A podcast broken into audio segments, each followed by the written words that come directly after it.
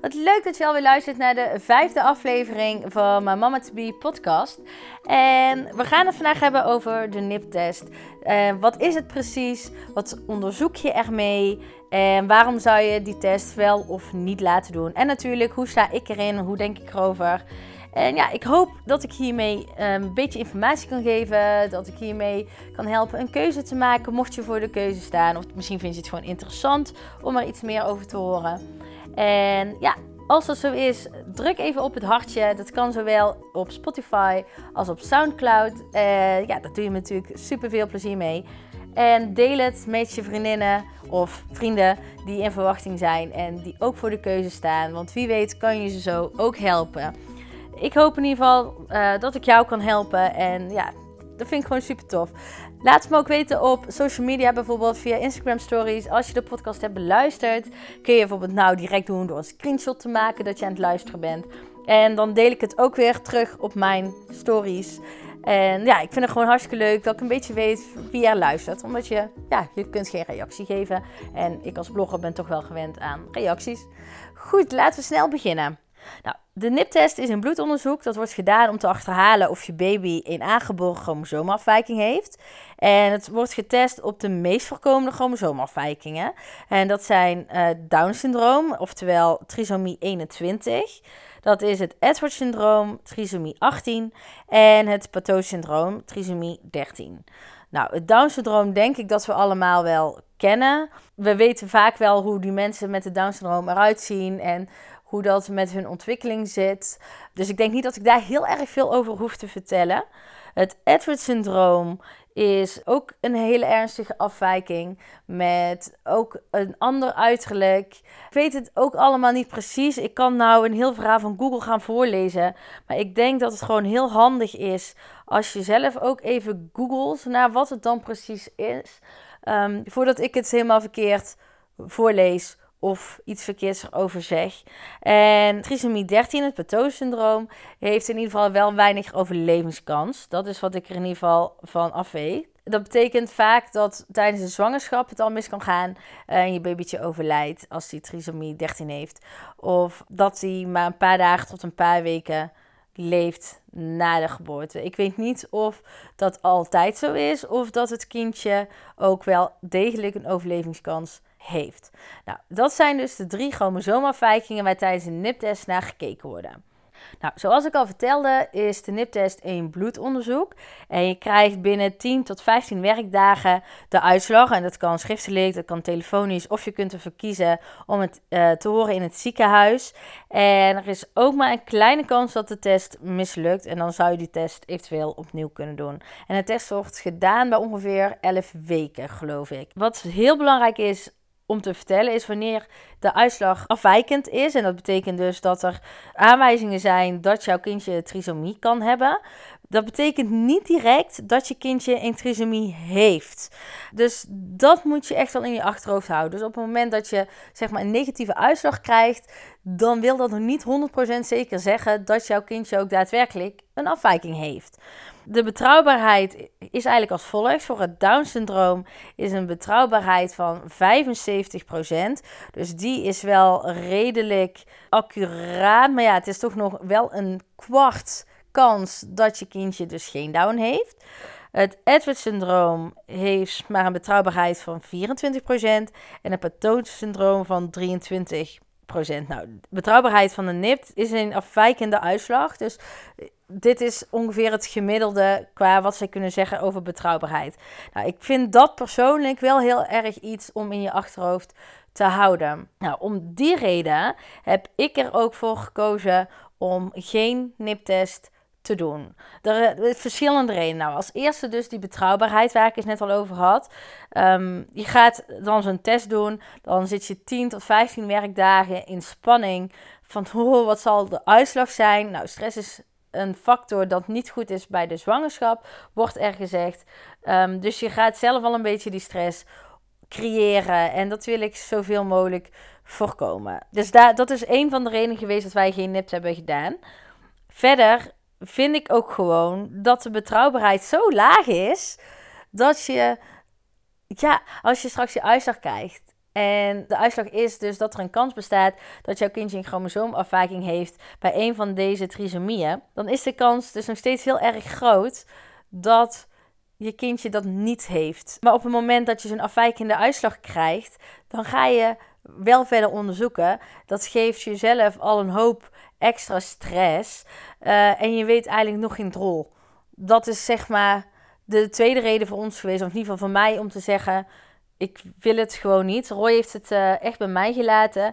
Die wilde eigenlijk wel de test doen en ik wil het eigenlijk absoluut niet. En uh, met de hoofdreden dat we het dan ook niet hebben gedaan, is omdat we er samen over gehad hebben van wat als de uitslag negatief is. Zouden we abortus plegen? En ik denk dat dat ook wel een gespreksonderwerp moet zijn tussen jou en je partner. Ja, wat doe je dan? Ga je het weg laten halen of is het kindje hoe dan ook welkom? Het enige voordeel wat het kan hebben als je het weet, is dat je erop kunt voorbereiden. Maar er zit dus ook die keerzijde aan dat het dus niet 100% zeker is dat je kindje een afwijking heeft. En dat daar dan nog heel veel onderzoeken aan vastkomen die geen 100% garantie kunnen geven. En uh, ja, wat doe je jezelf aan? Dat is persoonlijk echt mijn, mijn mening. Maar ik kan me ook voorstellen dat je die NIT-test wel wil doen. Als het in je familie zit, bijvoorbeeld het Down-syndroom of dat Edwards-syndroom of dat Pinto-syndroom, ja, dan zou ik het aanraden natuurlijk om het wel te doen. Uh, maar nog steeds kom ik terug bij de vraag: wat zou je dan doen als je kindje het syndroom wel heeft? Pleeg je dan abortus? En dat is denk ik wel een hele, hele belangrijke vraag. Dus ga jij al die stress in jouw zwangerschap aan als je toch besluit het kindje te willen houden als het een afwijking zou hebben? Daarbij wordt er maar gesproken over drie uh, chromosoomafwijkingen. Uh, terwijl er zoveel meer mis kan zijn met je kindje. Bij de 20 weken echo bijvoorbeeld gekeken naar een open ruggetje, naar cysis, naar uh, hersenafwijkingen, naar hartklepafwijkingen. Er wordt zoveel al gecontroleerd bij die 20 weken echo, wat ook allemaal mis kan zijn. En naast die 20 weken echo is het ook nog eens zo dat er daarnaast nog zoveel meer mis kan zijn.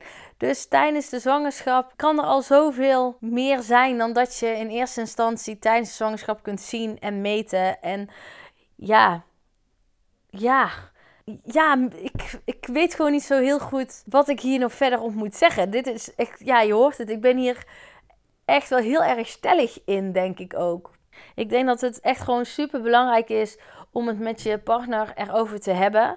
Zoals ik al aangaf, in mijn geval was het zo dat ik de bepalende factor was. Want uiteindelijk is het mijn lijf waar een onderzoek mee gedaan moet worden.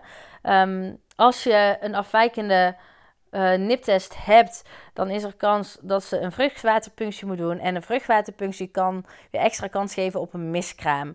Nou zijn we natuurlijk wel weer verder met uh, de technologie en de wetenschap. Waardoor ik echt wel vertrouwen heb dat er minder kansen zijn op een miskraam. Maar die kans is er wel. En dat zijn toch allemaal dingen om in je achterhoofd te houden. En voor mij is dan toch echt wel de stress die, um, die het met zich meebrengt. Zo zijn er ook verhalen. Heb ik natuurlijk alleen op het internet gelezen. Ehm, dus ik weet niet of dat 100% betrouwbaar is. Maar de verhalen zijn er van vrouwen die een negatieve uitslag kregen, zich hebben voorbereid op een uh, kindje met een chromosoomafwijking. En het kindje wordt super gezond geboren, is niets mis mee. En dan heb je dus wel een halve zwangerschap in stress gezeten.